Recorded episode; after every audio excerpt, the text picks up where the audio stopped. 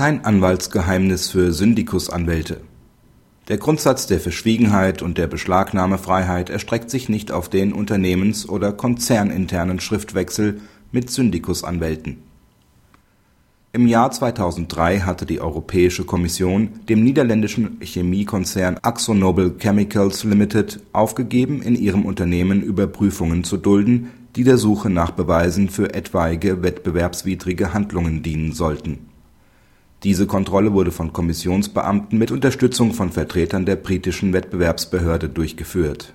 Unternehmensvertreter erläuterten den Beamten im Lauf der Untersuchung, dass bestimmte Unterlagen unter den Schutz der Vertraulichkeit der Kommunikation zwischen Anwalt und Mandant fielen.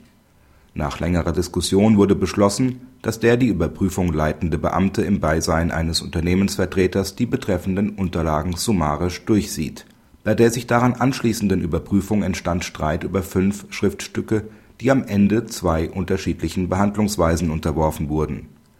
Die erste Gruppe von Schriftstücken umfasste unter anderem einen Vermerk mit handgeschriebenen Anmerkungen, die sich auf Kontakte mit einem externen Anwalt beziehen.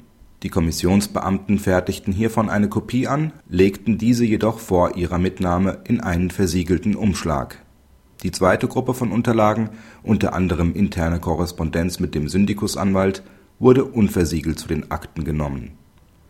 Diese Schriftstücke unterfielen nach Auffassung des Leiters der Überprüfung nicht dem Anwaltsprivileg.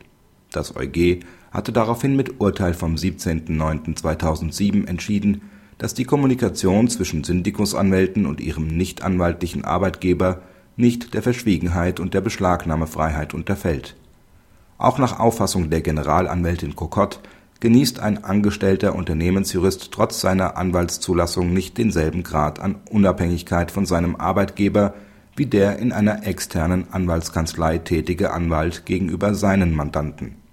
Der EuGH folgt dieser Rechtsauffassung. Unter Hinweis auf seine Entscheidung vom 18.05.1982, in der er bereits damals Unternehmensjuristen ausdrücklich das Anwaltsprivileg verweigert hatte macht er deutlich, dass sich die berufsrechtliche Stellung der Syndikusanwälte in Europa seit Verkündung dieser Entscheidung nicht in einem Maße entwickelt hat, der eine Weiterentwicklung der Rechtsprechung des EuGH in dem Sinne rechtfertigen lässt, dass Syndikusanwälten der Schutz der Vertraulichkeit zuerkannt wird. Ferner vertritt der EuGH die Auffassung, dass auch die Änderung der verfahrensrechtlichen Vorschriften des Wettbewerbsrechts der Union keinen Hinweis darauf enthalten dass im Hinblick auf das Anwaltsgeheimnis eine Gleichstellung von Syndikusanwälten und selbstständig tätigen Anwälten geboten ist. Der EuGH unterstreicht zudem, dass durch seine Auslegung auch nicht die Verteidigungsrechte eines Unternehmens beeinträchtigt werden. Auch die Verteidigungsrechte erfordern nicht, dass die Kommunikation zwischen Syndikus und Unternehmen dem Schutz der Kommunikation zwischen Unternehmen und unabhängigem Anwalt gleichgestellt wird Wer die Beratung eines Syndikus in Anspruch nimmt, muss solche Beschränkungen in Kauf nehmen. Schließlich bringt der EuGH zum Ausdruck, dass es im Zusammenhang mit einer Nachprüfung der Kommission unerlässlich ist, den Grundsatz der Vertraulichkeit zwischen Syndikusanwalt und Mandant unionsweit einheitlich zu definieren und nicht im Rahmen des nationalen Rechts. Andernfalls könnte eine Gleichbehandlung der Unternehmen nicht gewährleistet werden. Ausblick der EuGH hat seine rein formalistische Betrachtung der Unabhängigkeit von Syndikusanwälten im europäischen Zusammenhang beibehalten.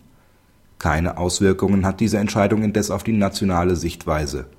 Die Frage, ob ein deutscher Syndikusanwalt im nationalen Kontext für sich das Anwaltsprivileg in Anspruch nehmen darf, kann allein vom deutschen Berufs bzw. Strafprozessrecht beantwortet werden. Da dieses Thema in Deutschland allerdings nach wie vor sehr umstritten ist sollte der nationale Gesetzgeber für Klarheit sorgen